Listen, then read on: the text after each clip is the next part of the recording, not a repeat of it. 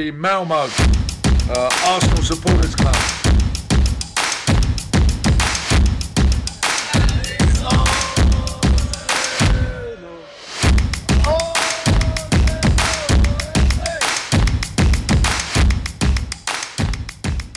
Då hälsar jag varmt välkomna till Arsenal Malmös podcast med mig Niklas Lindblad och jag har ju faktiskt med mig min vapendragare Rickard Henriksson som dagens gäst. Hur är läget med dig? Jo, det är bra tack. Eh, vapendragare. Jag var besviken på att du inte kallar mig wingman. Jaha, okej. Okay. Ja, men det kan vi säga då. Vi kör om Niklas. Vi kör om igen. Du har med mig min wingman Rickard Henriksson. Ja, men det är Tack. bra. Ja, det kommer ju lite från, jag vet att vi har en serie som vi tittar, eller har tittat ganska mycket på i alla fall. How I Met Your Mother. Det kommer väl lite därifrån kanske. Exakt. Ja, ja men det är gött. Ja, men du får vara min wingman idag då. Härligt. Men det var bra med dig i alla fall. Ja, men det är bra. Absolut. Det är fredag, så det är synd att klaga. Verkligen. En verkligen. timme kvar, sen så åker första ölen. Det är så pass. Fan vad gött. Nej. Ja, Jag ska Ja, jag bara ska be, min fru ska bara komma hem från systemet också. ja okej. så du har någonting Ja. att öppna. Ja, exakt. Ja, precis. Ja, men det är väl Och själv då? Jo, men Det det är bra. Ja, det är ju fredag här också så att säga. Så att, eh, och nu har man ju snart tagit sig igenom ett långt landslagsuppehåll. Ehm, Så att det ska bli skönt med lite matcher igen faktiskt. Även om vi får vänta längst som vanligt känns det som att vi alltid har match på måndagen efter ett landslagsuppehåll. Jag vet inte varför men det känns bara så. Så det är lite tungt. Men eh, den som väntar på något gott väntar alltid för länge. Men, Ja, men så, så är det. Men det är ju bra att Partey och alla de spelarna som har varit lite långväga hinner komma tillbaka och stadga sig. Så det är Absolut. lite positivt. Ja, absolut. Jo, men man ska se det positiva i, i allting så att säga. Så att, eh, verkligen. Ja, men det är skönt. Eh, men jag tänkte vi ska börja lite med att ta avstamp i de matcherna som de två som vi spelade innan uppehållet i alla fall. Liverpool som vi förlorade emot var väl ganska väntat i och för sig. Och sen Aston Villa-matchen. Men hur skulle du vilja summera de två matcherna? Ja, om vi börjar med Liverpool. Men vi gjorde en bra match, tung förlust. Jag tyckte första halvlek var riktigt bra. Eh, och sen eh, andra kommer vi väl inte riktigt upp i det. Men summerat så skulle jag säga att de vinner på att de är giftiga i straffområdet och de sätter sina chanser. Spelet i övrigt tycker inte jag man kan klaga på. Ja, nej, jag är beredd att hålla med dig där också. Det ser bra ut men det är liksom den här sista Både lite orken tror jag kanske att hålla uppe intensiteten och koncentrationen och sen är det det där med att göra de här målen när man väl får chanserna och bli effektivare där. Um, som saknas lite men eh, det är väl det steget vi måste ta för att liksom istället för bara sikta topp 4 sikta på liksom topp 3 kanske och till slut vara med och utmana om, eh, om titeln i eh, Premier League. Men det går åt rätt håll i alla fall. Så att, och det är inte det är inte den matchen vi vinner eller förlorar fjärde, kampen om fjärdeplatsen i alla fall. Eh, Nej det är det inte. fall. har vi ju noll poäng mot både City och Liverpool och det är väl kanske, hade önskat kanske en eller två poäng. Men det är som det. Jag tycker ändå att det märktes ändå rätt stor skillnad där. Hade Ödegård gjort mål på sin chans till exempel hade varit Mm. 1-0 hade det kunnat bli en helt annan match. Men å andra Ja. sidan Martinelli har ju fullständig lekstuga där med Alexander Arnold också. Så ja, det är små marginaler. Tyvärr blev det, de, de var, det märks att de är ett nummer över oss och det är den nivån vi måste sikta på. Vi måste nå. Ja absolut. Jag menar det är också när man möter de lagen. Man måste, man måste ha lite det där flytet också. Lite som du är inne på att Ödegård gör mål liksom i rätt läge utav matchen också. Så blir det en liten annan matchbild om man kan få lite mer där på dem än, än vad det blev. Eh, Men Ja. eh, vi blir ju bättre och bättre i alla fall. Jag menar förra året eller för några år sedan så hade vi förlorat den här med 5-0 liksom. Så att det Ja, går ändå åt rätt håll. Men nu är vi ändå med i matchbilden under perioder av matchen också. Så att jag tycker ändå vi ska, vara, vi ska vara nöjda. Vi är inte bättre äh, än så liksom, men vi är på väg att bli bättre. Så att Ja, utvecklingen men går så är det. Vi har ett spännande håll. lag.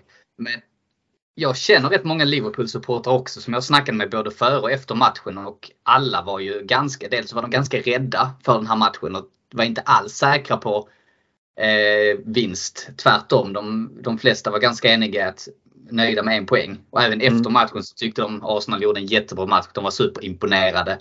Och egentligen var att Liverpool var skarpare i straffområdet. Det var det som skilde. Så Ja. det tycker jag är ett gott betyg att ta med sig. Absolut. absolut. Så att, eh, nej men alltså vi går ifrån, eller vi går ifrån den matchen ändå och kan liksom hålla huvudet ganska högt när vi går in och ska möta Villa som också är en ganska tuff match. Ehm, de är inte ligans bästa lag men de är rätt så vassa. Och den matchen, om jag får gå över på den då, så uh, tycker jag mm. att där gör vi det väldigt bra. Det kan stå 3-4-0 i halvlek där om vi återigen är tillräckligt effektiva i de lägena vi får. Um, sen gaskar ju Villa upp sig ganska rejält i andra och pressar ju oss lite mer men då får vi visa upp ett bländande försvarsspel. Men de har ett skott på mål och det är frisparken där i slutet som Leno gör en riktigt bra räddning på. Um, så mm. att uh, vi är värda tre poäng där. Där är det inte så att äh, men ett kryss har varit mer rättvist för att vi skapar mycket mer farliga chanser än vad de gör. Tycker jag i alla fall. Ja, nej men absolut. Eh, försöker, det var ändå tag sedan det har runnit lite vatten under bron sedan dess. Jag sitter här och funderar samtidigt. Men alltså jag håller med dig. Vi, eh, det, det är lite tuffare på bortaplan. De märker man att man har inte riktigt det här man får inte lika mycket tid med bollen så att även om eh, man jämför Liverpool och Aston Villa så får man ändå mer tid med bollen. Eh, även mot Liverpool när, när det är hemmaplan. Så att det var ju ganska tufft och man märker att man behöver ha rätt så mycket kvalitet för att bryta ner Aston Villa som jag tycker de, de gör det bra. Men sen å andra sidan, det var ju inget snack om att vi vinner rättvist. Men eh, 1-0 är en skör ledning så det kunde mycket väl varit eh, slutat med ett kryss där. Absolut. Och det är liksom lite där min oro ligger inför fortsättningen. Alltså de här eh, matcherna. Det är att alltså jag, alltså vi gör inte mål. Vi gör inte lika många mål som de andra lagen runt om oss. Ehm, Nej, det är mycket det... uddamålsvinster, vilket är en styrka, ja. men eh, jag håller med dig. Någon gång kommer det liksom att kommer det på något sätt liksom att smälla och det eller det kommer liksom misslyckas för oss känns det som om vi inte kommer igång med det målskyttet. Jag tror jag såg någon statistik de senaste fem matcherna vi gjort åtta mål eller någonting sånt där tror jag i Premier League och typ Tottenham ja. har gjort 16.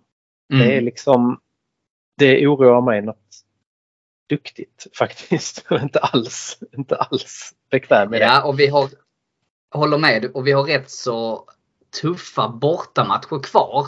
Mm. Eh, så det är väl lite så att de bästa lagen vi ska möta är väl nästan hemma. Men sen har vi några tuffa bortamatcher som man känner att ah, okej, okay, det, här kan bli, eh, det här kan bli tufft. Mm. Det så kan det verkligen bli. är ju svettigt. Men alltså så länge vi fortsätter och jag menar varenda match, visst vi har bara vunnit med uddamålet om man tittar nu under 2022. Mm. Det har ju varit ändå, fast det bara varit uddamålssegrar, det har ju varit väldigt övertygande segrar. Mm. Det har det varit. Det är bara det där som, det är det jag säger, liksom Villa-matchen hade kunnat stå 3-4-0 i halvlek om vi verkligen bara sätter våra mm. chanser.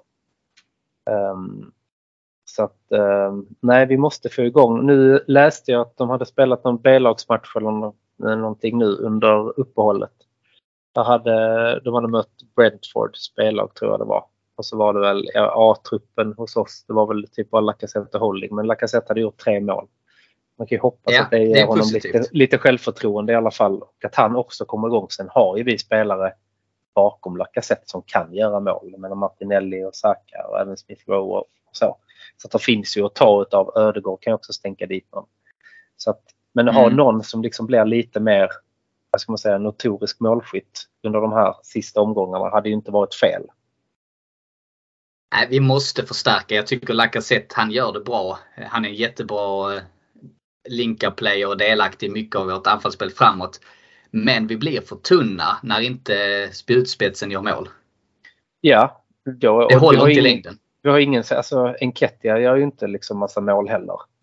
Så att Nej. Där har vi ingenting att sätta in. Och sen, ja det är i så fall om man ska prova att köra Martinelli liksom uppe istället för på kanten. Men sen samtidigt gör han mycket nytta på kanten också. Så att, eh, ja, det finns ju lite diskussioner om att testa Smith Rowe som någon form av falsk nia. Det skulle kunna vara mm. någonting också. Absolut, det är verkligen ett uh, alternativ.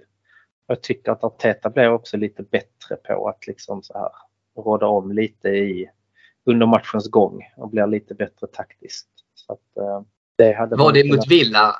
matchen han slängde in holding och han cirkulerade tydligt i kameran 5-3-2 eller? Ja, jag tror att det var den matchen där på slutet. För de gick lite defensivt där. Men de spelar ett bra försvarsspel där. Alltså, de, de har ju bara ett skott på mål, eh, Villa. Det är ju nära.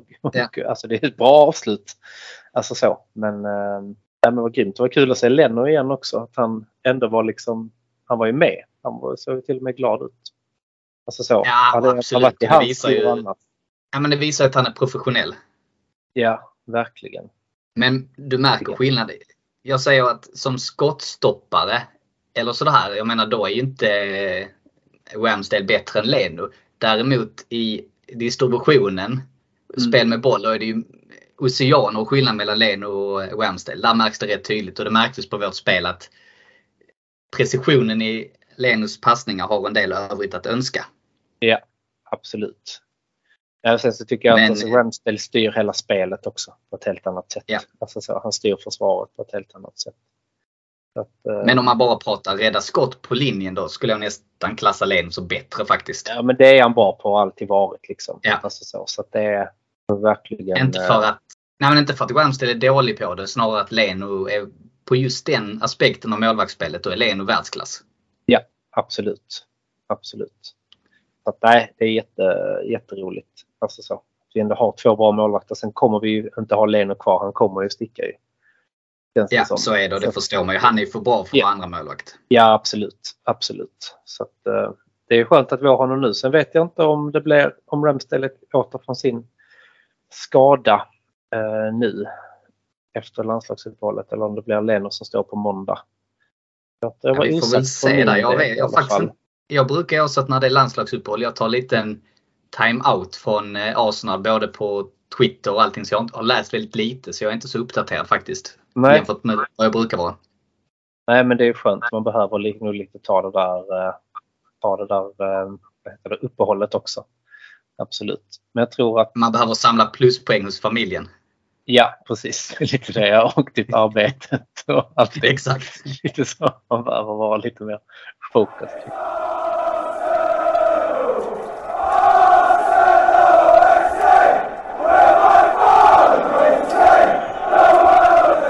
Denna veckas podcast görs i samarbete med Mavigant. Mavigant fokuserar på prints av hög kvalitet för inredning. Mavigant skapar och säljer prints med fotbollsmotiv. Alla designer illustreras och målas för hand och du kan inte hitta deras motiv någon annanstans. För oss Gooners så har Mavigant snygga prints på Emirates Stadium och Highbury samt i deras Legends-serie så syns även Thierry Henry. Just nu får alla lyssnare 10% rabatt och det gäller hela april. Läs mer i beskrivningen utav denna podcast för att göra din beställning redan idag.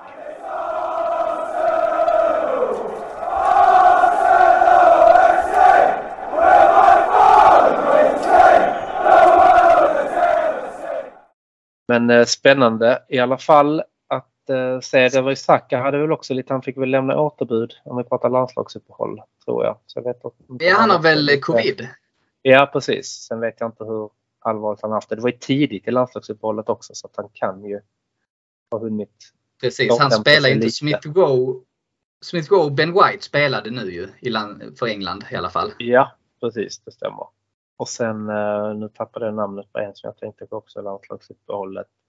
Jo, eh, Tom Mercer verkar ju vara mer och mer tillbaka nu också och kunna komma till spel. Ja, vi får är väl eh, se det såklart. Ja. Det känns ju som han har varit på gång ett tag. Ja precis. Det står faktiskt om, om Saka på dagens presskonferens så säger Arteta där att han mår bra och han har tränat. Och eh, att han, ja det känns mer tydligt. Men att eh, Ramsdale, han vill spela men det var en tuff, eh, vad ska man säga, skada. Eh, så var tvungen att ta sin, eh, ta sin tid. Och då ska kolla de närmsta dagarna om han kanske kan göra mer riktig träning än det han har gjort. Så att, eh, målvaktsposten är nog lite osäker inför eh, Känns nog som det blir Lenus och får eh, Ramsdale sikta på nästa helg. Det känns ju så. Så att eh, Ja. Ändå eh, positivt. Men han, nu är han igång. Jag tror han stod också i den här träningsmatchen mot Brentford så han har varit lite igång. Så eh, det är ändå positivt. Vem då? Leno eller Ramsdale? Eh, Leno, han stod i den eh, träningsmatchen där mot Brentford. där Lacazette gjorde tre mål. Så han är nog ganska varm ändå, tror jag. Och det är väl perfekt Ja, om man är- kan visa upp sig lite att han still got it så är det kanske lite lättare att, att bli av med honom till en rimlig peng kanske. Om inte hans kontrakt i Absolut. Egentligen är jag inte orolig för att slänga in Len och det är inte så att man känner oh nu är det kört. Däremot så blir det ju eh, det blir kanske lite mer att man får försöka hitta Ben White med snabba kortpassningar så att han kan ta över bolldistributionen så att så, Lenus så lite som möjligt ska slå långa passningar. Exakt. Leno ska bara rensa i nödfall. Han ska inte... Ja, och annars Ska göra bollen till Ben. White. Ja, precis. Absolut. Så får det bli. Verkligen. Se. Nej, men det, det blir intressant. Men det känns ju som att idag i alla fall att det lutar åt att det är Leno som, som vaktar kassen. Känns det som i alla fall. Ja. Härligt. Ja, Ska men då, vi ta eh, lite, tre kanoner eller sådär? Lyfta eh, lite matchens lirare från de här matcherna eller vad säger du? Eller ska vi Ja, skippa det, kan när vi det? Nej, det kan vi väl göra. Tycker det är ska, jag trevligt. ska också bara backa bandet lite. Men jag tycker, eh, om jag börjar med en så tycker jag ändå Saka är bra i, alltså i Villa-matchen. Han höjer sig lite. Jag tyckte han var lite osynlig ibland i, mot eh, Liverpool. Eh, men eh, i, mot Villa är han riktigt på gång. Mm. Så han är en av mina kanoner i alla fall. Så får du ta nästa. Ja, men mot Villa skulle jag säga Thomas Partey som jag tycker faktiskt är man of the match. Tycker han var, han dominerar och märks så tydligt att det blir stabilt mittfält. Han går in och äger, han vinner boll, han håller tempot, han är säker punkt och, och även om han har fått två gubbar mot sig när han får bollen så är det inga problem utan han löser situationen och distribuerar vidare. Och det, det är en trygghet för det skapar yta till medspelarna. Ja, när man spelar, spelar väldigt tryggt och enkelt i den matchen faktiskt. Eh, och gör det bra. Sen skulle jag också vilja lyfta fram Martinelli mot Liverpool. Du var ju lite inne på det innan. Men han, han hade Mm. läggstuga ganska många där, gånger där ute på sin kant. Och det var riktigt kul att se. Eh, Ja, det hade han. Och även, ehm, ja, alltså Liverpool svårt, men även alltså Xhaka Partey, kan man, ge dem lite som kombinera där tycker jag gjorde det bra mot Liverpool. Det var inte, Jag får dela på tredjeplatsen. ja precis, nej för det var inte mycket ytor som, eh, som Liverpool bjöds på så att säga. Nej, verkligen inte. Verkligen inte. Och även kanske, eller ja förlåt, kör du en spelare? Ja, nej, det är de jag tänker på. Så att jag har ingen med i min eh, vad ska man säga, arsenal av bra spelare där. Nej men jag vill Eh. lyfta en spelare faktiskt till och det är kanske inte för att han var bäst men för att han spelar bättre än sin förmåga. Så tyckte jag var Suarez, Cedric. Ja, han gör ju faktiskt inte bort sig så mycket. Nej, han gör inte det. Han gör Nej. faktiskt en stabil insats där. Ja, men det gör han faktiskt. Att han är faktiskt eh, stabil. Den, alltså ben White var också ganska bra mot Villa. Han ledde försvaret på ett bra och tydligt sätt tyckte jag också. Eh, alltså så. När de försökte leta sig in liksom. De kom ju ändå där och försökte leta sig in lite bakom. Då tyckte jag han alltid var framme och, och bröt. Mm. Så att, eh, han är också, gör också en väldigt stabil insats i den matchen. Sen är det ju ändå det är lite chanser så han ligger lite fel i positionerna men baserat på den han är ju inte bättre än så. Så baserat Nej, nej. på hans nivå så tycker jag han spelar väldigt bra. Ja, absolut. Det tycker jag med. Och det var, det var en rolig match alltså ändå. Alltså, vi spelade bra. Det var soligt och härlig stämning på läktarna. Det var, det var ju, såg man ju riktigt liksom här connection som finns mellan laget och fansen efter matchen. Den var riktigt Ja, nice. Det var, ja, det varit riktigt kul att vara på plats på den matchen och stå bland Arsenal-supportrarna. För det fick man ju se mycket bilder på, eller filmer på i efterhand. Att de eh, stod Ja, kvar. det såg härligt ut. Jag vet inte, har du um, Oskar i Göteborg? Han var ju på plats. Mm. Om du har lyssnat på det, men han berättade, de berättade lite kort om det, deras podd. Men han satt ju bland Villa-supportrarna. Jaha, vad fan gjorde han det för? Så att han fick uppleva det från andra sidan. Så Jag han hade fick skitit i det. Jag hade hur, gått till pub istället. Ja, precis. Nej, men han upplevde hur Villa-supportrarna klagade på domarna och hur Arsenal-spelarna filmade och sådär. Jag tänkte okej, ja, hur olika man kan se det från den, det perspektivet. Ja, verkligen. Alltså jag hade fan inte klarat av att sitta alltså på hemmasektionen när vi är borta och vi hade gjort mål. Jag hade betett mig så kräkigt så att jag hade nog åkt på en, en rak höger. Så att det är eloge till honom att kunna hålla inne. Ja, men det är nästan så att man skulle... Ja, men precis. Att man skulle åkt på eh, matchen och gjort, eh, firat eh, eller laddat upp med supportrarna innan och firat efteråt. Men själva matchen skulle man kanske stannat på puben. Ja, kanske. På något sätt. Alltså. Nästan. Ja. Ja. det är svårt. Ja, det är svårt som fanns. Men samtidigt så vill man ju alltid se, se matchen också. Men jag hade haft Såklart. svårt alltså, att hålla inne med, med, med känslor. sånt. Det är liksom så jobbigt när man jublar och alla andra liksom vrider sig i smärta. ungefär. Och Ja, tvärtom men det går ju inte att jubla då. Det blir Nej, svårt. det, ja, det blir ju bara en sån... "Ja", Sen sätter man sig ner igen. Ja. Håller inne på känslorna. Och likadant så är det ju hemskt när alla andra firar. Så är man helt deppig själv. Att jag, Ja, ja, jag just vet det. Ja. inte Shit, om jag- ja. om Den jag hade varit jobbig. Ja, verkligen. Den har varit riktigt jobbig. Så att, ja, nej, det är väl, eh, men det är som sagt, man vill ju alltid se matcherna. Men som sagt, det, nej, det var kul att se just den där eh, sammanhållningen som fanns där ändå. Liksom, mellan fansen och, och truppen. Eh, så skitkul. Ja, skön ny eh, Arteta-ramsa tycker jag. Mycket skön, mycket skön. Jag ska se om jag kan lägga på den i slutet av denna podden här så att alla kan lära sig den. Men den, är- den är Ja, riktigt men det tycker jag. Jag går och nynnar Så slipper lite vi sjunga den. tiden. Ja, precis. Exakt. Eh, Jag tycker den är riktigt bra. Att, eh, men den, eh, jag lovar att klippa in den i slutet av podden så att ni som inte har hört den ni kommer få höra den. Helt klart. Snyggt. Absolut. Allt för våra lyssnare. Vet du. Helt rätt.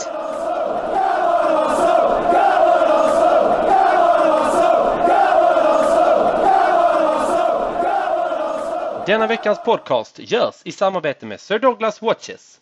Sir Douglas Watches är skapad för att vara den perfekta vardagsklockan med subtil men elegant svensk design i kombination med noggrant utvalda material och spännande specifikationer. Klockorna finns för både damer och herrar och alla klockor levereras med två extra remmar. Färgerna är noggrant utvalda av Sir Douglas Watches.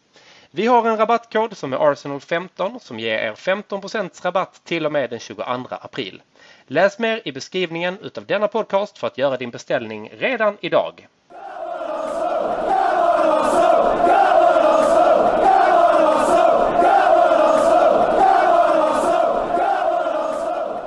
Jag tänkte lite andra roliga grejer som har hänt under landslagsuppehållet. Det var ju att eh, Vera blev invald i Hall of Fame.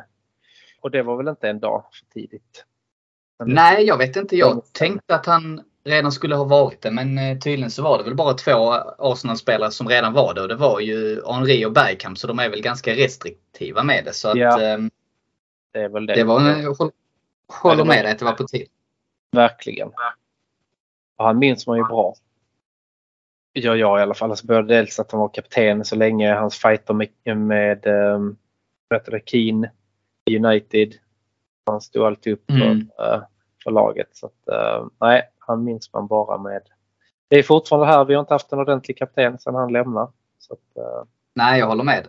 Ehm, han var ju, jag skulle säga den kompletta mittfältaren. För många minns ju honom kanske för hans defensiva insatser. Men jag tycker mycket, han var rätt så underskattad även i passningsspelet och förmåga att driva fram. Så han var ju en väldigt viktig pusselbit i, till vårt fina spel på den tiden. Absolut. Och hade han, jag tror han, han hade ändå förmågan, precis som du säger, att gå framåt också. Men han gjorde ändå också några Ja. mål.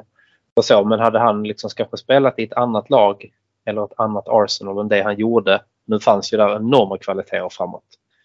Ehm, så hade han nog gjort fler mål och gått fram ännu mer. Liksom. Så att, ehm, men han uh, enorm vad ska man säga, arbetskapacitet också. Kändes som han blev aldrig trött. Liksom. Han kämpade alltid. Hade alltid mer Alltså mycket energi och bra, bra lungor eller vad man ska säga. Ja men Eh, verkligen. att, Jag har eh, hört en rätt rolig historia om honom. Eh, som framförallt hyllar din favoritspelare Dennis Bergkamp. Men Ja. då har ju Vera sagt att ibland brydde han sig inte om att ta löpningarna om inte Bergkamp hade bollen. För då visste han, ja då är det inte lönt. Nej okej. Men så fort Bergkamp hade bollen i bra läge, då då la han benen på ryggen och löpte. Tog löpet. Så jävla skönt men de- han har inte bollen och skiter i det. Ja. Klockrent. Ja. Nej men det är grymt. Och det Grymt säger ju kanske mer om Dennis Bergkamp än någon, Ja. snarare än kritik till någon annan. Ja absolut. Absolut. Nej men kul. Det var en rolig historia. Den har jag faktiskt inte hört så det var roligt. Ja och när vi ändå är inne och Jag pratar tror- priser. Ja förlåt. Ja, för, nej, jag bara funderar på, jag tror faktiskt jag har hört den i, eh, nu ska vi inte nämna den podcasten kanske för det är Tottenham supportrar som driver den. Men When We Were Kings tror jag det är i Arsenal-avsnittet där som Erik Niva berättar den sågen. Ja okej. ja. Och det är där också han berättar faktiskt om eh, när Lehmann skrämde skiten ur Fabregas i någon hiss va? Ja, Ja. Det är faktiskt ett väldigt bra, väldigt bra poddavsnitt. Jag lyssnar inte så ofta på den podden för jag tycker det är lite långdraget. Men Arsenal-avsnittet är ju fem tummar upp. Mm, absolut. Nej, jag tycker också att de blir väldigt långa de avsnitten. Men jag vet att de har börjat göra lite kortversioner nu. Men det avsnittet kan man ju lätt lyssna på i omgångar om Arsenal. Det är riktigt bra. Jag håller med dig. Så har ni inte lyssnat på det så, Ja, verkligen. så gör det. Verkligen. Och det är extra kul att det är två Tottenham-supportrar också som måste prata om eh, ja, en av de mest framgångsrika tidserorna i Arsenals eh, historia. Så bara det gör ju att det är värt det. Ja, men de gör det ju väldigt. De, de sköter ju sig bra. Det är bara ett tillfälle där de inte kan eh, Ja, det är väl en persons namn de inte nämner va? Ja, de, de går igenom startelvan och så säger Ja. de bara Saul Campbell. Så säger han en försvarsspelare som gjorde en hel del ny, nytta. Sen kommer man Ja, inte precis. säga mer så. Nej, precis. Och det kan man förstå kanske. Det, jag Alltså, köper det. Jag hade ja. nog gjort exakt samma sak. Ja, det är ett sätt att hantera det på ändå ett relativt proffsigt sätt kan man ju säga. Ja. Verkligen. Men när vi ändå är inne och pratar priser så kom ju det idag att Arteta blev ju manager of the month. För, Ja, vad roligt. Jag har faktiskt inte sett det. Men det, så du hör det här nu. Ja. Det var ju väldigt trevligt och det tycker jag är välförtjänt. absolut, det tycker jag också. Det gör ju en, en bra, alltså en bra eh, månad. Så att, eh, det var ju Conte, Klopp och Tuchel eh, eh, Rodgers tror jag som var nominerade och Arteta då. Så att, Mm. Men Arteta tog det. Så att, eh, nej, det är bara att gratulera. Jag tror inte det är första gången denna säsongen han blir det heller. Så att, eh, det är kul. Och det känns ju verkligen som att han har börjat få ordning på det nu. Eh, på något sätt. Ja, han fortfarande- Nej men han börjar ju få eh, ordning på det nu men sen är det klart att det fortfarande ska till en del eh, alltså nyförvärv Eh, egentligen i alla lagdelar. Men, alltså så för att han ska kunna få full utdelning på sin taktik och, och så. Men eh, nu är han ju på bra väg. Jag tror han har varit rätt bra. Alltså, det är rätt tufft det här med alltså han, liksom, han har släppt en del stora spelare som liksom inte passar in. Alltså om man tänker Özil och Aubameyang och så här så är det ju ändå rätt tufft gjort av honom. Men det har ju gett resultat. Ja, verkligen. Och eh, vet, vi sa ju här under hösten i flera poddar, både du och jag, att vi, eh, vi gillade Arteta, vi ville ge, ville ge honom förtroendet. Men han hade ju bara några matcher på sig. Han var ju tvungen att vända det. För att annars var det omöjligt. Och eh, även om vi var positiva så kände vi ändå, nej, Eh, han, han måste visa resultat. Och det har han ju verkligen gjort. Och nu märks det så tydligt. Han har ju spelarna med sig, han har fansen med sig. Hela den här stämningen och det är så stort tryck på biljetter nu så jag har aldrig varit med om något liknande under Emirates-tiden. Att det varit så här nej. stort. Helt galet på man biljetter. ser. Man ser ju liksom om man ska köpa dem vad ska man säga, i andra hand. Man ser ju priserna på dem. Det är ju helt galna då. Så att, nej, det är ett enormt Och även då på ti- Ticket Exchange och sådär. Det är skitsvårt att få biljetter just nu. Så att, eh, men å andra sidan, eh, det går bra. Och framförallt inte bara att det går bra, för det har det gjort tidigare också. Vi slåss ju Mm. bara om en fjärdeplats och det är inga titlar. Men hela den här positiva atmosfären och stämningen på läktaren och eh, hela den här biten att Arsenal is back. Det är lite den känslan. Ja men det är verkligen alltså, en, en våg av medgång liksom. Och, att, liksom och lite att man har kommit ur den där djupaste svackan som vi ändå har varit nere i de senaste åren. Liksom, där ingenting har funkat känns det som. Eh, och att nu att vi under en, en längre tid har spelat bra. Liksom. Det har ju varit positiva tongångar egentligen hela säsongen om man bortser från de tre senaste matcherna. Eller första matcherna menar jag. Då har det ju faktiskt bara blivit mer och mer positivt. Och sen tror jag också det har att göra med att vi har, har haft en pandemi så att många som inte har kunnat åka på jättelänge är extremt sugna på att göra det nu också. Såklart. Tror jag. Men eh, framförallt är det ju den framgången vi ändå har. Eller att det, det går positivt framåt. Liksom. Att, eh, det är verkligen skitkul. Jag har ju hört från de som är på plats också att läktaren, alltså stämningen är något annat. De säger Mm. att det är den bästa stämningen på läktaren sen under Emirates-tiden. Det säger ju en hel del. Verkligen. Det är skönt att alla... Det kanske inte är turisterna nu då som åker på samma sätt liksom. Eller går på matchen på samma sätt. Utan det är, det är verkligen supportrarna. Ja, nej, men så är det ju. Och, eh, sen ska man säga vad man vill. Jag brukar säga att man skiljer lite på eh, turister och foreign supporters. Eh, och jag skulle vilja kanske klassa mig själv som det senare men många turister sitter ju tyvärr tysta på läktaren och inte sjunger med. Och det är ju det Ja, ja. jag tycker är en skillnad mellan en foreign supporter och en turist. Ja absolut, ja, men jag håller med dig. Jag ser mig heller inte som en turist. Alltså, när jag, alltså, visst, jag kan vara en turist i London när jag är där och ser eh, Arsenal men jag är inte en turist liksom inne på arenan och runt omkring på en matchdag. Så jag Nej, håller jag med. Vi är ju med i... Vi lever ju del av stämningen och, och sjunger och sådär. Men jag tycker till exempel nu har vi suttit mycket uppe på Clockend Upper. Där är ju Mm. extremt många turister och många som sitter och filmar och ja, men, Men typ- inte har koll. Kör videosamtal med de som sitter hemma. Liksom, kollar vad Exakt. jag är ungefär och så. Så att, eh, nej absolut. Så det är väldigt svårt att, precis, det är svårt att få någon sång där uppe. Ja absolut. Ibland går det men eh, det är lite mer motigt. Men det är skönt om det håller på att ändras också tycker jag. Så att, eh, det är verkligen roligt. Och de, alltså turisterna, de gör ju inga uppoffringar för att få tag i biljetter. De är mer så här, ja, finns det inga så ja, ja, då går vi väl och gör någonting annat. Liksom. Ja, nej, men precis. Så det är roligt faktiskt att det är lite tryck. Men jag tycker man märker det lite i tv-sändningarna också. Kanske inte så mycket när man sitter på puben men sitter man hemma och lyssnar lite så är det lite mer go i publiken också. Ja men verkligen. Jag såg ju Villa. Villa-matchen såg jag ju hemma. Och det märktes ju tydligt. För så det som du säger på puben då, då hör man inte riktigt full på tv-ljudet och sådär. Men hemma då var det verkligen, jag tänkte faktiskt jag reagerade. Wow, det är riktigt bra stämning på, eh, på arenan idag. Mm, absolut. Nej, så det är kul. Det var i och för sig bortamatch men man, Jo, men man hör hör- det ändå. Man hör att det är tryck. Men det var likadant i Ja. den uh, ligacupmatchen mot uh, vad heter det? Uh, Liverpool. Men man hör ju liksom Mm. Arsenal, Arsenal under hela deras You never walk alone. Liksom. Ja. Så vi har ju röststarka fans också, bara vi vill. Så att säga. Vi Så kan att, eh, mobilisera om vi vill. Absolut, det kan vi göra. Verkligen. Det är kul. Eh, Men jag tänkte bara innan vi går in och ska försöka snacka upp Crystal Palace-matchen så kan vi gå in och bara toucha lite vid vårt damlag som tyvärr åkte ur Champions League igår mot Wolfsburg. Ehm, Ja. Jag trodde faktiskt, jag visste att vi hade chans lite i, alltså i ett dubbelmöte mot dem men jag trodde ändå att Wolfsburg skulle bli för starka och det blev de ju också. Så att ehm, nu är vi ute ur den turneringen men vi har ju kvar ligan och vi har kvar FA-cupen där vi går upp mot Chelsea.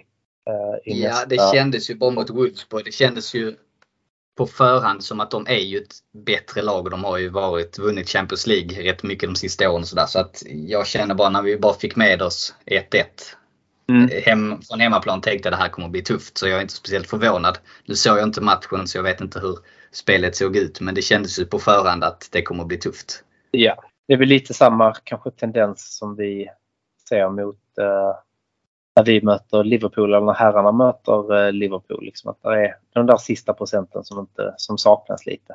Men eh, det lite var så. så all in nu i, i ligan och eh, vad heter det? i ligan och i FA-cupen för eh, Ja, dem. Så ja att, för där är ju det är ju goda chanser till eh, båda titlarna skulle jag säga. Ja absolut det är det. Nu är det ju Chelsea leder ju med en pinne och lika många matcher spelade i, eh, i ligan. Men eh, det ska ju avgöras på ett eller annat sätt. Men vi tappade ju där mot eh, något av bottenlagen så det är väl där vi förlorar titeln i så fall. Men som sagt FA-cupen Ja. le- lever så att det kan bli en titel där eh, i år. Om med riktigt mycket flyt så kan det ju säkerligen bli en dubbel också men det ska nog mycket till för att ta ligan tror jag. Ligan känns svårare. Det är inte kört som du säger, men den känns svårare. Och, men är det inte så i kuppen att vi möter Chelsea? Jo, det gör vi. Precis. Och vi möter inte Chelsea i, eh, i ligan så vi kan inte plocka poäng på dem. Men jag tror de möter, de har något topplag eller man ska säga, som där de kan tappa poäng. Så tar vi full pott så har vi Mm. åtminstone chansen. Men eh, vi får se. Jag hoppas ju lite att de får en, en titel. Jag tror Chelsea har både eh, Tottenham och United kvar. Det är väl i de matcherna man får hoppas på det. Att de tappar poäng. Ja. Eh, Framförallt United då. ja, alltså Tottenham är ju inte alls samma, har inte den tyngden på damsidan. Men eh, Nej, men de Nej, ligger typ alltså- ändå sexa, femma tror jag i ligan så att de är ändå där uppe. United ligger trea. Men ehm, ja, vi får se vad som händer. Det blir tufft i alla fall men eh, slå Chelsea, i FA-cupen så ser det lite roligare ut där faktiskt. Ja, verkligen. Kan det bli en cupfinal det är ju alltid Ja. Absolut, alltid någonting att se fram emot helt enkelt. Då är det, jag tror det är West Ham och City i den andra semifinalen. Så att, eh, det kan bli eh, Känns- spännande. Men en, eh, Känns lite- som City där, men man vet aldrig. man vet aldrig. Kupp är kupp. Så, men vi kan ju hoppas att det blir en final i alla fall.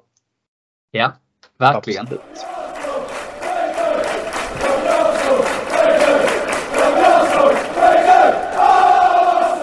Arsenal Malmö är Malmös enda aktiva Arsenalförening och vi har matchträffar varje match på vår stampub Drumbar på Lilla Torg i Malmö.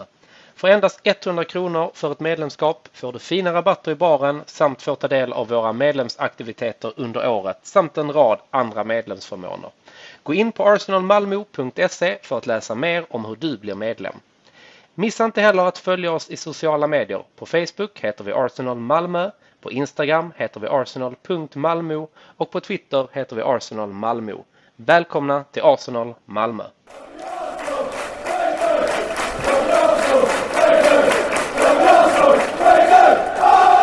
Men då är landslagsuppehållet snart över och vi möter Crystal Palace på måndag. Vad tror du? Jag är skitnervös. Jag har inte riktigt tänkt så mycket än, men på förhand känns det ju svårt. Vi, eh, vi kryssade ju mot dem i höstas som jag inte har helt fel för mig, Mm. 2-2 va? Sent Mm. målet av, jag tror det var Lacazette som gjorde det målet. Just det, på tilläggstid var det inte det? Ja, på tilläggstid. Jo. Det var ett riktigt sånt gottemål som jag säger. Men Ja, den, men de läste att de saknade troligtvis två spelare. Det var Saha och en till. Eh, som jag kommer på. Men ändå två, två av deras bästa spelare. Så att det är ju positivt. mm, Sen så tycker jag att de har, eh, så de har spelat rätt bra. Men kanske inte riktigt fått med sig de resultaten som de har förtjänat. nej, Så att de är bättre än sin tabellposition. det är de säga. faktiskt. De spelade, de fick ju med sig ett kryss mot City och sen jag såg lite på deras Chelsea när de mötte Chelsea hemma. Där var de nog förtjänt utav lite mer. Det blev en snöplig 1-0 förlust för dem. Eh, så att, alltså, men de, de de, är rätt- bra. Ja men det är framförallt mot de lite sämre lagen där de eh, inte får med sig. De spelar väldigt bra mot topplagen. Mm. Men just de har tappat lite väl onödiga poäng mot De De lagen som Norwich de och Brentford och sånt. Liksom, Ja men de lagen de förväntas slå. Ja, jag håller med dig, det blir tufft. Eh, Jag tror tyvärr vi får vara beredda på ett kryss här. Ja, jag har lite den känslan också. Det är mycket med vårt jäkla målskytte. Alltså vi, måste, vi skapar så Mm. otroligt mycket chanser och vi gör så otroligt lite mål. Och det kommer vara det som fäller av. Får inte vi igång ett, mer, ett bättre och starkare målskytte i de här sista omgångarna nu, då, alltså vi kan falla på det i slutändan. Så Vi jag kan ju är- det. För vi har några, vi har några viktiga matcher här nu eh, framåt. Tufft spelschema nu de sista Ja, det är några väl inte- veckor där, där det chokar ihop sig lite. Men nu har vi ändå, jag tror det är väl en lördagsmatch vi har helgen efter, eh, där i påsken. Men jag menar nu, vi har Crystal Palace, Brighton eh, och Southampton. Palace borta och Southampton är borta. Men där måste vi ha nio poäng Ja, egentligen alltså. Och sen, för sen går vi upp mot Chelsea och sen bara några, där är det bara så tre dagar emellan. Sen är det United. Och får man välja där så Jag tar jag skulle- hellre tre poäng mot United än mot Chelsea. Rent tabellägesmässigt. Jag tar ju helst sex poäng. Ja, jag skulle nog- välja. jag, jag skulle nog säga så här att vi behöver på de här tre första, alltså nio poäng absolut. Jag, jag, men jag tror det är lite väl, eh, vad ska jag säga, det är lite väl dramatiskt. Eller blir, jag tror det blir för svårt. Så jag skulle säga sju poäng i alla fall. Kan vi ta eh, kryss i en av de matcherna och sen så två matcher, eh, ta två segrar. Mm. Och sen då gäller det ju att alltså Chelsea och United, jag skulle säga vi måste ha tre poäng i de matcherna. Så vi måste, en av de lagen måste vi slå. För att Tottenham som jag ser som den största konkurrenten då eftersom jag tror United, jag, jag tror inte på dem, jag tror att Tottenham blir farliga. De har Mm. ganska enkelt spelschema, tyvärr. De har ju det. Och då, sen har ju de en hängmatchen mot oss. Då skulle vi ligga på samma, Ja, bli... samma poäng inför den matchen till exempel. Det kan ju hända. Det ska vi vara ärliga och Ja. göra. Eller att vi bara ligger en poäng före dem då. Då kommer jag fan att kräkas Mm. på allvar alltså.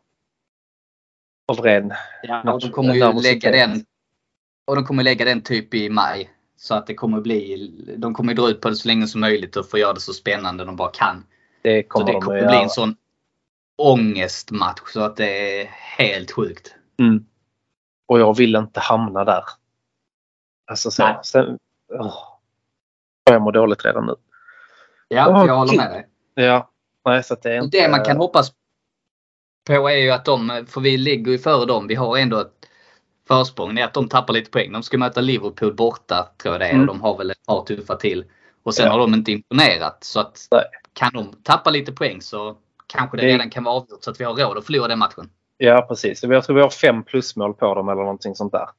Så det, det kan vara avgjort, absolut. Det kan det vara. Men det är det som vi måste göra jobbet. Så det, vi måste liksom...